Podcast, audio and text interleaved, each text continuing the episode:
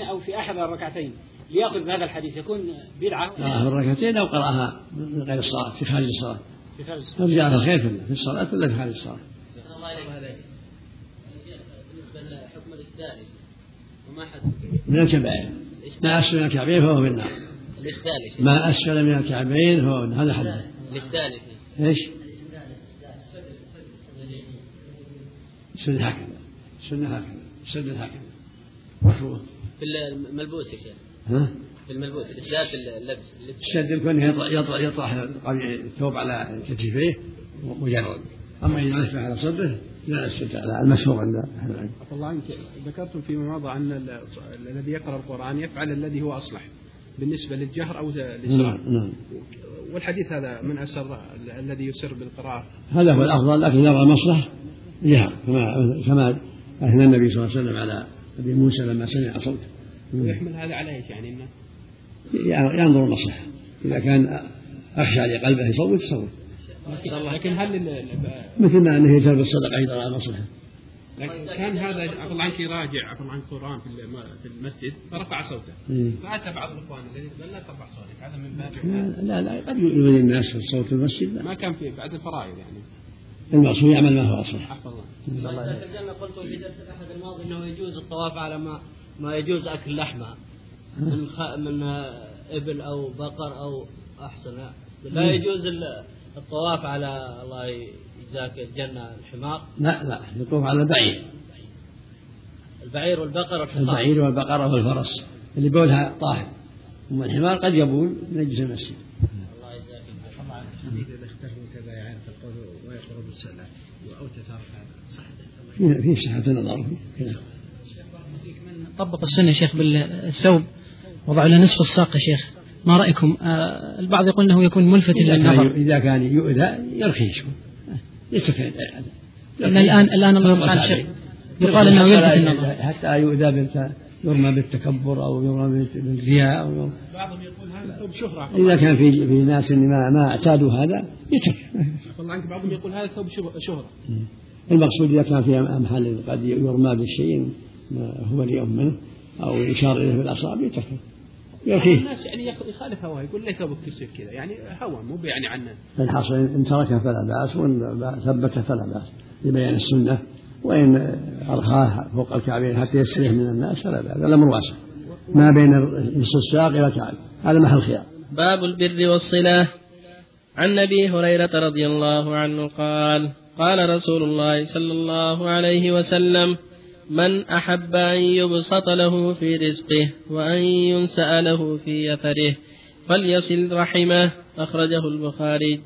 وعن جبير بن مطعم رضي الله عنه قال قال رسول الله صلى الله عليه وسلم لا يدخل الجنة قاطع يعني قاطع رحم متفق عليه.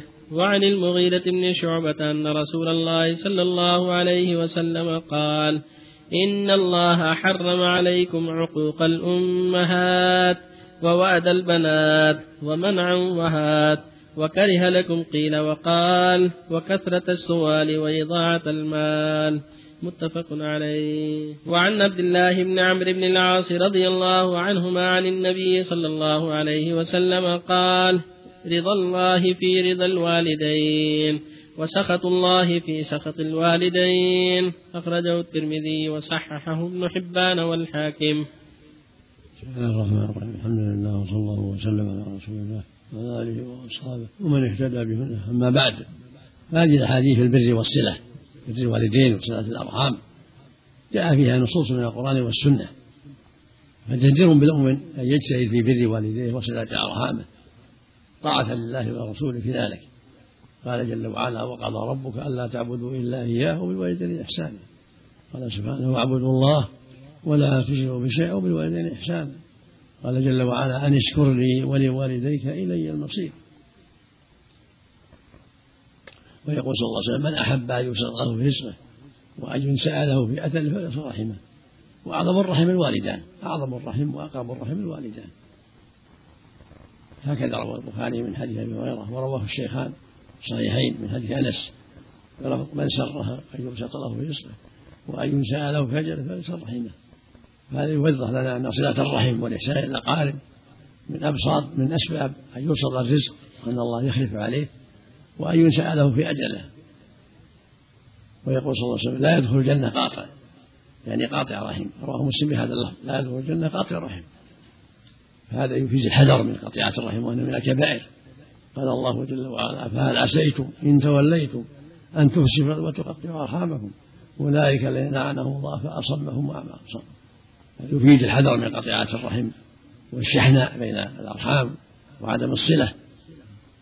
ويقول عليه الصلاة والسلام إن الله حرم وعقوق الأمهات ووعد البنات. وعد يعني قتل البنات. كان الجاهلية يقتلون بعض البنات. بعض أهل الجاهلية يقتل بنت ما بالبنت. وإذا سئلت بأي ذنب قتلت. ومنع الوهات الجشع في طلب الدنيا. يمنع الحق يطلب ويحرص على طلب المال بغير بغير حل. هذا من صفات أهل الجشع. البخل والحرص على طلب المال بكل طريق ولو من طريق النهبة أو الظلم أو الغش أو غير ذلك. وكره لكم قيل في بعض الروايات الصحيح ويسخط لكم. واللفظ الآخر ونهى عن قيل وقال وإضاعة السؤال إضاعة المال وكثرة السؤال كون الإنسان يعتاد قيل وقال يقع في الكذب. إضاعة المال لا تجوز المال نافع لا تجوز إضاعته. كثرة السؤال إن كان سؤال الناس فهذا لا يجوز إلا من حاجة. ينبغي له ألا يكثر إذا حصل ما يكفي كفى والحمد لله. وأما السؤال عن العلم فلا بأس بالسؤال عن العلم لكن لا يكثر السؤال الذي يوجد يحصل به إحراج أو الالتباس وإلا في السؤال جائز مسألة فلتكن كل الناس تعلمون لأن كثرته سواء في الدنيا أو في العلم قد يفضي إلى شر قد يفضي إلى إغلاط المسؤول قد يفضي يفضي إلى السؤال عما لا ينبغي. فينبغي للمؤمن ألا يتحرى. إن كان من جهة المال يسأل قدر حاجته عند الضرورة. وإن كان للعلم يسأل مع التبصر والتقليل وعدم الإكثار الذي قد يحرج المسؤول أو يوقع في الغلط. والحديث الرابع يقول صلى الله عليه وسلم رضا الله في رضا الوالدين. وسخط الله في سخط الوالدين. هذه يدل على وجوب إرضاء الوالدين في غير محارم الله وتحريم إسخاطهما يجب إرضاءهما في غير المعصية. إرضاءهما من إرضاء الله وإسخاطهما من إسخاط الله. لكن لو أمر بالمعصية لا. إنما الطاعة في المعروف. وفق الله الجميع قوله تعالى فإذا جاء أجلهم لا يستأخرون ساعة ولا يستقدمون هذه الأجال هذه الأجال المعلقة. الأجال المعلقة. الأجل المعلقة قد يعلق على صلاة الرحم قد يعلق على بر الوالدين قد يعلق على أشياء. الأجال المعلقة تبقى على تعليقها. ومن من رحمة الله أن أن الرجل إذا وسط سواء صلى رحمه من أسباب طول العمر. هذا فيما سبق بعلم الله. كناية عن عنك البركة في العمر هذا تأويل بعض الناس لكن لا مانع من يكون على ظاهره المراد بالرحم التي توصل. أقربهم الآباء والأمهات والأولاد ثم الإخوة. الذي الأقرب فالأقرب. لا نكاح بينهم. لا عام عام. الأقرب فالأقرب. أو من يتوارث يدخل بني العم ويدخل بني الخال كلهم لكن الأقرب فالأقرب. لكن يأتم عفى الله عنك إذا كان عيال عيال عم وكذا. نعم الشحنة يأتم بها بينهم. لا عدم الصلة. يعني يقول إنهم بعيدين و... ولو ولو. إذا استطاع وصلهم يفعل. الأقرب فالأقرب. صلى الله عليك المراد بالصلة من حديث أدناك أدناك واللفظ الآخر ثم الأقرب فالأقرب. واللفظ الآخر ثم أدناك فأدناك. الله عنك متى نقول لهذا أنه واصل وهذا قاطع. هل كل أسبوع كل يومين؟ لا كيف ينضبط هذا؟ المهم أن لا يكون بينهم قطيعة. أن لا يكون بينهم قطيعة. ولا قد يستغني هذا عن هذا وهذا عن هذا. لا بعض يعني الآن العمان ولا الخوال يعني يبيك يعني كل يوم كل ثلاثة وإذا جت جيت يعني لا ينبغي الأمر العرفي. إذا جاره بعض الأحيان وليس بينه وبين الشحنة فهو واصل. أو أو أو أو, أو ساعده بمال إذا كان فقير ساعده حسب الطاقة. الهاتف يكفي عن هذا؟ والهاتف يكفي. الهاتف والمكاتبة. حديث المغيرة بن شعبة إن الله حرم عليكم وكره لكم قيل وقال. ألا يدل هذا على التفريق بين الكراهة في كلام الله وكلام رسوله؟ صلى الله عليه وسلم. تطلق على الكراهة. نعم نعم. في اللفظ الآخر ويسخط لهم قيل وقال. تحذير نعم تحريم نعم. وعيد النصارى. ويخشى إذا زارهم يعني قد ينعكس. لا يجرهم يدعوهم إلى الله. يدعوهم إلى الله. ويحذر أن يجروا إلى الباطل النبي صلى الله عليه وسلم الرب جل وعلا قال وإن جاهداك على أن أن تشرك ليس فلا تطعهما. وصاحبهما في الدنيا معروف وهما كافران. أحسن الله إليك. ها؟ يدخل فيه المرأة إذا جرت ثوبها خيلاء لا لا المرأة مأمورة بالستر. مأمورة بأن ترخي ثيابها حتى تغطي أقدامها. ولكن ما لا تفعل خيلاء تفعل الستر. لا تجوز لا يجوز أن تفعل خيلاء ولكن للستر لو زادت الحد ذراع لو زادت عن ذراع ما يجوز. فروض الكفاية عفى الله عنك. هل يطاع الوالدان بتركها ولا يفعلها؟ نعم. فروض الكفاية عفى الله عنك. لو أمر الوالدان بتركها لا هو الكفاية في حق السنة المهم إذا فعلها من يكفي. لا إذا وجب عليك لا. إنما الطاعة في المعروف صلى الله عليه وسلم. إذا نهياك عن طاعة لا. لو قال لا تصلي الضحى أو لا تصلي الرواتب لا أطيعهم أو لا توتر لا أطيعهم ولو مستحب ولا كانوا لقضاء حاجتهم يعني. فرضنا الآن السنة هذه تتعارض مع يعني آه، أمورهم الخاصة التي إذا كان في حاجة ماسة لهم قدم على النافلة. لأن برهم واجب وهذه عليكم. والدعوة إلى الله. أحسن الله إليك. إذا الدعوة إلى الله واجبة حسب الطاقة. أحسن الله عليكم مع الوالدين. أحسن الله إليك إذا رفضوا أن الشخص يذهب إلى الدعوة إلى الله. ما في بأس إذا كان ما في مضرة على أولاده ولا شيء. أحسن الله عليكم. لو مات الوالدين يا شيخ. لو مات الوالدين وأراد أن يبرهما بعد موتهما. لكن أرحامه ال- الذي لا توصل إلا بهما على شرك فهل يكون من صلة الوالدين اللذان ماتا مسلمين؟ نعم. أن يبر هؤلاء الذين على الشرك بالدعوة. نعم نعم إذا برهم لعل الله يهديهم بأسبابه. والهدية- بحرب ما بينه وبينهم حرب وعن أنس عن النبي صلى الله عليه وسلم أنه قال والذي نفسي بيده لا يؤمن عبد حتى يحب لجاره ما يحب لنفسه. متفق عليه. وعن ابن مسعود رضي الله عنه قال سألت رسول الله صلى الله عليه وسلم أي الذنب أعظم؟ قال أن تجعل لله ندا وهو خلقك. قلت ثم أي؟ قال أن تقتل ولدك خشية أن يأكل معك. قلت ثم أي؟ قال أن تزاني بحليلة جارك. متفق عليه. وعن عبد الله بن عمرو بن العاص رضي الله عنهما أن رسول الله صلى الله عليه وسلم قال من الكبائر شتم الرجل, شتم الرجل والديه. قيل وهل يسب الرجل والديه؟ قال نعم يسب أبا الرجل فيسب الرجل أباه ويسب أمه فيسب أمه متفق عليه. بسم الله الرحمن الرحيم. الحمد لله وصلى الله وسلم على رسول الله وعلى آله وأصحابه ومن اهتدى بهداه. أما بعد هذه الأحاديث فيها تحذير عن ما حرم الله ودعوة إلى ما ينبغي. يقول صلى الله عليه وسلم لا يؤمن أحدكم حتى لا يؤمن عبد حتى يحب أخيه ما يحب نفسه. وفي الآخر لا يؤمن أحدكم حتى يحب لأخيه ما يحب نفسه. هذا يدل على وجوب المحبة لأخيه مثل ما تحب نفسك وأن الواجب على المؤمنين التحاب في الله وأن كل واحد يحب لأخيه الخير كما يحب نفسه. هذا هو الواجب على المؤمنين فيما بينهم تحابوا في الله. يقول صلى الله عليه وسلم والذي نفسي بيده لا تسرون حتى تؤمنوا ولا تؤمنوا حتى تحابوا. ألا أدلكم على شيء إذا فعلتم تحاببتم أفشوا السلام بينكم. للمؤمن يحب لأخيه الخير ويكره له الشر. ويقول صلى الله عليه وسلم مثل المؤمنين في توادهم وتراحمهم وتعاطفهم مثل الجسد. إذا اشتكى منه عضو تداعى له سائر بالسهر والحمى. ويقول صلى الله عليه وسلم المؤمن مرآة أخيه المؤمن. ويقول صلى الله عليه وسلم المؤمن للمؤمن كالبنيان يشد بعضه بعضا وشبك بين أصابعه ينبغي أن يحاسب نفسه مع إخوانه ويحب لهم الخير ويكره لهم الشر. ويقول عليه الصلاة والسلام في الحديث الصحيح من الكبائر شتم الرجل والديه. قيل يا رسول الله وهل يسب الرجل والديه؟ قال نعم يسب أبا الرجل فيسب أباه ويسب أمه فيسب أمه. يعني التعرض لسب الوالدين سب لهما. من سبب في سبهما فقد سبهما. وجعل هذا من الكبائر من كبائر الذنوب. من الكبائر شتم الرجل والديه يا رسول يسب الرجل والديه قال نعم يسب أبا الرجل فيسب اباه ويسب أمه فيسب أمه. والرسول صلى الله عليه وسلم حذر من هذا لأن الوالدين من أكبر الكبائر حقوقهما من أكبر الكبائر. فيقول عليه الصلاة والسلام في الحديث الصحيح لما سئل أي الذنب أعظم؟ قال أن تجعل الله ندا وخلقك قل ثم يقال أن تقتل والدك خشية أن يطعم معك. هم أي قال أنت زانية بهذا الجاري هذه من أكبر الكبائر. قال الله تعالى أنزل الله في هذا والذين يدعون مع الله إلها آخر ولا يقتلون النفس التي حرم الله إلا بالحق ولا يزنون. ومن يفعل ذلك يلقى أثاما يضاعف له العذاب يوم القيامة ويخلد فيه مهانا إلا من تاب وآمن عليه. هذه من الكبائر العظيمة. فالزنا من الكبائر وإذا كان زوجة الجار صار أشد في الإثم.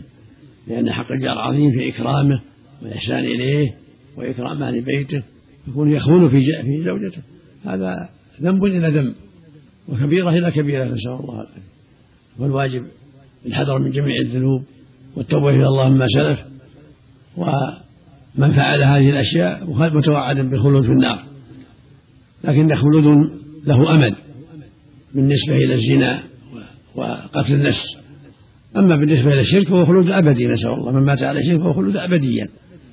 أما من مات على المعاصي فخلوده إذا دخلها مؤقت.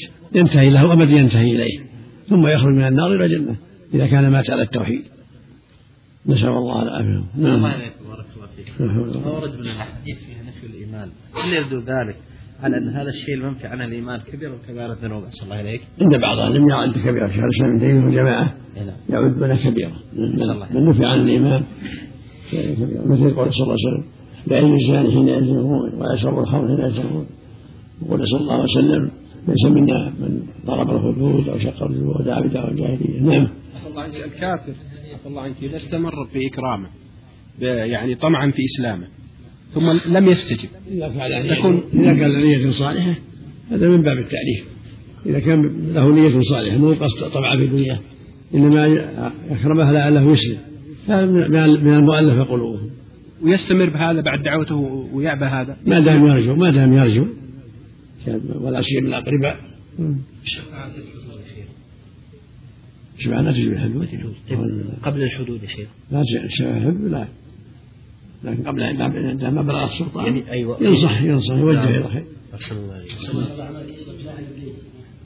لا بأس. لكن التعود أحسن. الرسول لعنه. لما تعدى عليه قال ألعنكم بلعنة الله. هذا هذا جار عفى الله عنك. يقول آه، أولاد الجار لا يصلون وكبار سن يعني فوق الثامنة عشر. ونصحته يقول آه، ما استجابوا؟ آه، الأمر عليهم لا أسلم ولا أدعوهم لدعوة ولا أتصدق عليهم ولا. يستحق الهجر نعم. يستحق الهجر على صواب هذا. نعم. لكن لا يكون عنهم يرفع عنهم الهيئة. لا يرغب يهديهم بأسباب الهيئة. الذي يحب لنفسه ما يحب لأخيه؟ من كمال الإيمان. من كمال الإيمان واجب. لو كان بينه وبين جاره يعني ما في أذى ولكن ما في معاملة هيكون يجب عليه البر والصلة لأنه نعم. هي البر والصلة. نعم. لابد أن يصل ويزور و... بالزيارة والسلام نعم. والدعوة للطعام وأشبه ذلك. من كان يؤمن الله فليكرم جاره الآخر الآخر فليحسن إلى جاره اللفظ الثالث فلا يؤذي جاره يجمع بين الأمرين. لا يؤذيه ويكرم لفظة الحديث هنا شيخنا. لفظ الحديث هنا ثم كان أقرب واحد. حتى يحب لجاره. الرواية دي صحيحة نعم. حتى يحب لجاره ما يحب لنفسه. نعم. صح حديث الربا 73 بابا. يسرها ينكح رجل ما هو علانية درجة الحديث. صلى الله عليه وسلم. ظاهر كلام الحافظ حجر أنه لا بأس به. صلى الله الحديث بالغسل لكل صلاة. ثابتة الله عليه الأحاديث التي فيها أمر مستحاضة بالغسل لكل صلاة. هل هي ثابتة صلى الله عليه الغسل عند جمعت بين الصلاتين حديث حملة. لا لكل صلاة لا هذا من عمل محبيبه ولم يأمرها النبي بذلك. لكن جت بعض الأحاديث بالأمر. لا الظاهر وهم بعض الرواة بلوغ العمدة يكفي تقول يا شيخ. بدأت الحديث بلوغ المرضي يكفي يعني؟ يعني حتى يتمرن بعد. شيخ الله يزيد هذا شخص أذن عليه المؤذن وهو في وهو مقيم ثم سافر. أذان العصر. يقول صليت العصر قصرا ما دام صلىها خارج البلد؟ اي نعم. لا بأس. ولو أذن عليهم. ولو أذن ولو ولو أذن. العبرة بوت الفعل الله يجزاك يقول والدته إذا زارها أو إذا بر بها هي تغار غيرة شديدة. ها. فيقول إذا زارها لابد تحدث مشكلة. فيقول فتجنبت زيارتها لأجل لا تحدث مشكلة ولا تدعو علي ما راح تدعو عليه. تغار هي لو سوى أي شيء لو تكلم لو كلم عياله لو كلم زوجته لو كلم كذا. لا ما يجوز له يزورها ما يجوز له يزورها يتجنب الشيء اللي تغضبه يزورها هذا غلط. إذا صارت تغضب من شيء لا يتكلم بالشيء اللي يغضبها. المداعبة مع عيال خليه في وقت آخر. أو مع الزوجة خليها في وقت آخر. هم لازم يداعب الزوجة والعيال عندها وفيما ترضى. يخليهم في وقت آخر. الله عنك. هذا مأمون يقول وجدت ألما أثناء الصلاة في بطني مما أدى إلى أن الإمام يقوم من الركعة ولم أقوم أقول فماذا أصنع؟ جلس يعني؟ إي جلس. ثم قام عاد يوم ذهب الألم يكمل على ولو الإمام قام رفع من الركوع. الإمام رفع من الركوع. ونحط بعده. إي نعم. وقام لما رفع من إذا كان منع شرعي. إما نعاس ولا مرض. نعم. نحط ما بأس ولو بس ما تعمد. ما هو تعمد قهرا عليه. يكمل على ما هي يلحقه ويكمل الصلاة؟ ولو أن الإمام رفع يعني من الركوع يركع ويرفع آه عفى الله عفى الله جاء في الحديث الأمر بتخمير الإناء وتغطيته بالليل. إذا نسي العبد الماء ما غطى الماء ولا الطعام يأكل بعد ذلك لا حرج أم يأكل الطعام؟ إذا نسي طول الليل والماء